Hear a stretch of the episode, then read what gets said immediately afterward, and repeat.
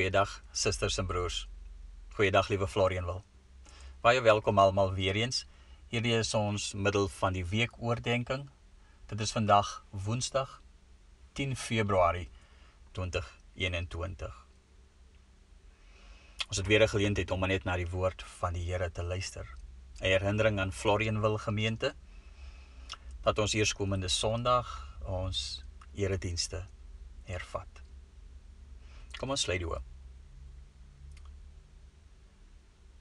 Laat die woorde van my mond en die bepeinsing van my hart vir U aanvaarbaar wees, Here, my rots en my verlosser. Amen. Ons teksgedeelte kom uit Lukas hoofstuk 11. Ek lees weer vir ons vanuit die Nuutste Afrikaanse vertaling, die 2020 vertaling.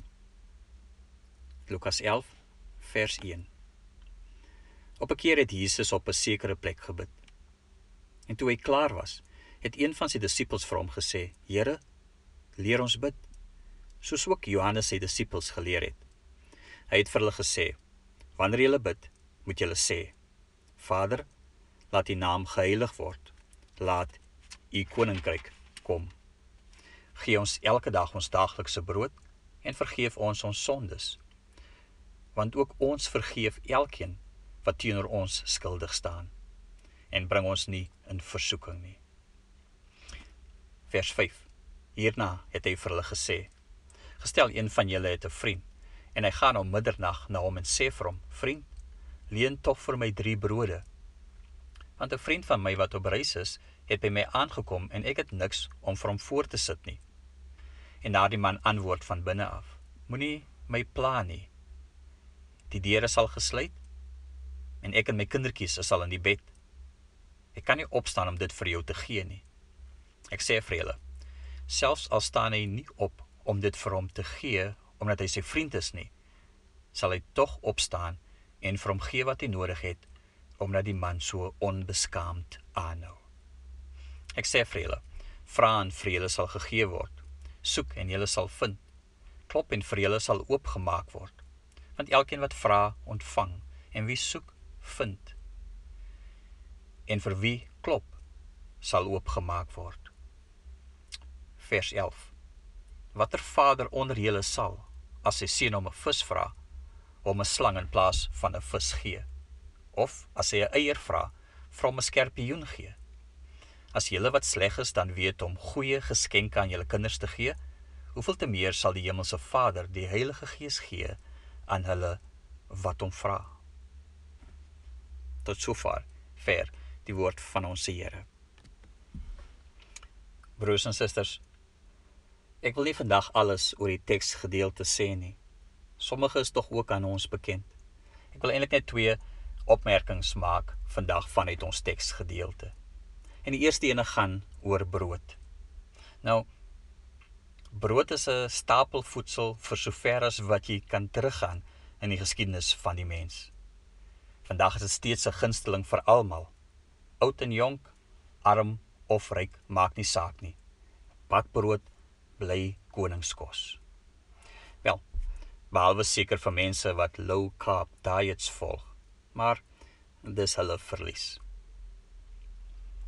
Wanneer Lukas die storie van Jesus vertel, die storie oor gebed, vertel hy dit in 3 momente, naamlik die onsse Vader gedeel vers 1 tot 4, die gelykenis van die onbeskaamde vriend vers 5 tot 8. Dis net Lukas wat hierdie gelykenis vertel, so terloops. En dan laastens vat Lukas die gebed en gelykenis saam deur 'n opmerking te maak oor ouers en kinders en dat dit is hoe gebed uh, moet wees. Maar as onmoontlik om die verwysing na brood te mis. Beide in gebed en gelykenis. Die verkorte Onse Vader gebed in Lukas plaas ook die gebed om daaglikse brood reg in die middel. By geleentheid is gesê dat Lukas op 'n unieke manier sê dat gebed soos brood is, basies is tot ons bestaan in hierdie wêreld. Gebed is soos brood vir die mens brood nodig en kan nie daar sonder nie. En ek dink hierdie waarheid besef ons en weet ons ook. Maar spesifiek die gebed om daaglikse brood. Dit is nie 'n gebed waarin ek vra vir alles wat ek nodig het nie, maar as 'n gebed vir die basiese wat ek nodig het om menslik te lewe. En ek wil eintlik maar net kortweg hierdie vraag vra in terme van ons lewenstyl. Wanneer het ek genoeg? Is nog meer nodig? Wanneer sal ek tevrede wees met wat ek het? Dis tog 'n belangrike vraag vir Christene in 'n wêreld soos hierdie. Arnold Schwarzenegger het die volgende opmerking gemaak toe hy mense wou oortuig dat ekstra geld hulle nie gelukkiger gaan maak nie. Nou maar jy moet die aksent bysit. Hy sê money doesn't make you happy.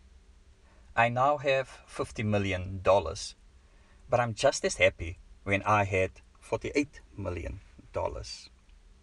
Ag, ek dink sy punt is gaan die ekstra regtig die groot verskil maak. Sal dit die verskil maak? En ook broers en susters, terwyl ons hieroor nadink en tog oor bid ook by geleentheid, weet ons ook dat die teks plaas die plaas die die broodnood van ander ook op ons tafel, op ons agenda, as ek dit so kan sê. Ons moet tog ook sorg vir ons naaste in nood. Dis my eerste punt. Tweedens is die woordjie Vader en Vader in die in die gebed wat Jesus sy disippels leer. Maar ook die woord vriend in die gelykenis wat Lukas vir ons vertel daarby. En dit plaas die fokus op hoe persoonlik gebed is. Vanaf vers 11. Die laaste deel oor Lukas se onderrig oor gebed waar die fokus steeds geplaas op die persoonlike verhouding waarvan gebed um, 'n kenmerk is. Soos tussen Vader en sy kind. Jesus leer ons ook om te bid tot God te bid wie ons Vader kan noem, Abba kan noem. Soos 'n klein kindjie sy of haar pa sal aanspreek. En hierdie gedeelte ken ons ook en dis ook vir ons waar. In die gelykenis kry ons die aanspreekvorm van vriend. Elke karakter in die storie is 'n vriend. Vers 5. Die persoon van wie brood gevra word. Vers 6. Die persoon wat in die middel van die nag honger aankom vers 8. Die persoon wat vra vir brood, almal is vriend van mekaar. Aan die hart van gebed wil hierdie gedeelte ons ook leer, lê daar 'n diep persoonlike gesprek wat volg broers en susters op 'n persoonlike verhouding wat ons met God het. Dit gaan dus nooit oor die regte woorde op die regte tyd nie. Dit is nooit 'n gesprek maar net met myself nie, is nie pligpleging nie is nie 'n gesprek met die plafon, die ceiling nie. Maar so met ons hemelse Vader te praat. Met ons vriend in die hemel te praat. In die eerste gemeente waarin ek was, het ek eendag 'n besoek gekry van ehm um, van iemand. Hy was nog so half deur die blare gewees toe hy by my aankom. Kan nie alles onthou van die gesprek nie maar hy gebruik toe ook sommer die kans om vir my te sê wat die mense sê oor my.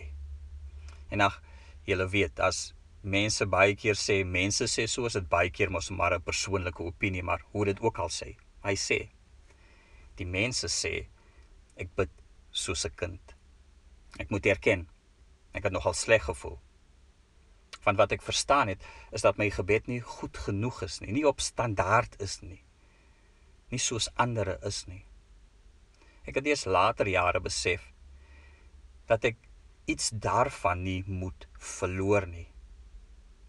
Dat my gebed tog moet weerspieël daardie verhouding soos die van 'n ouer en sy sy kind. Iets van my afhanklik wees aan die hemelse Vader om voor God te mag staan soos om soos om brood te vra wanneer jy honger is en verleë is maar ook diep persoonlik. Dat dit altyd deel van my gebed en my gesprek met die hemelse Vader moet wees. Ek deel net hierdie twee punte broers en susters. Wanneer het ek genoeg in hierdie lewe? En wanneer sal ek tevrede wees? Maar ook in my gebed en met my praat met die Here kom dit vanuit 'n diep persoonlike verhouding met my hemelse Vader en daarom net 'n gesprek met die Here. Amen. Ek doen vir ons 'n gebed. Hemelse Vader, die teksgedeelte in Lukas wat handel oor onderrig en gebed is vir ons baie belangrik. Want Here, U seun sê in hierdie gedeelte 'n paar goed wat vir ons help om te verstaan wat gebed is.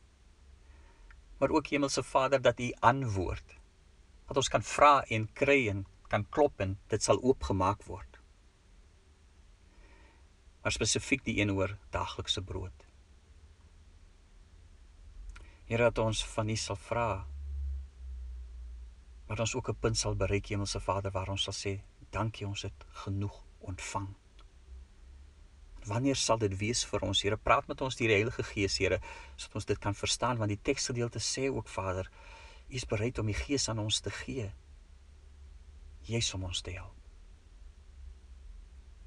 Maar ook Vader, dat in ons gesprek met U en ons gebede met U dat ons Here onsself uiteindelik net sal bloot lê voor U.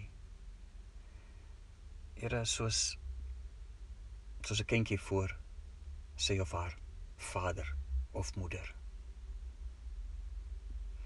Dankie vir die onderrig en gebed, Here.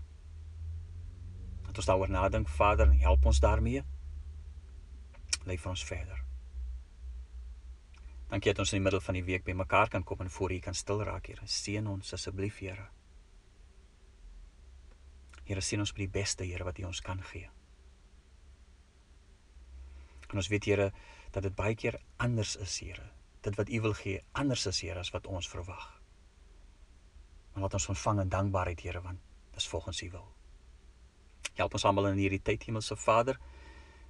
Help ons regering in die pandemie tyd. Ehm um, spesifiek hulle Here wat hierdie pandemie tyd moet stuur. Wys dit in insig, Here. Uitkoms vir ons almal asseblief, Vader. Dankie, Here. Amen. Kom ons ontvang die seën van die Here. Die genade van ons Here Jesus Christus. Die liefde van God ons Vader. En die troos en bemoediging van die Heilige Gees met elkeen van ons. Amen.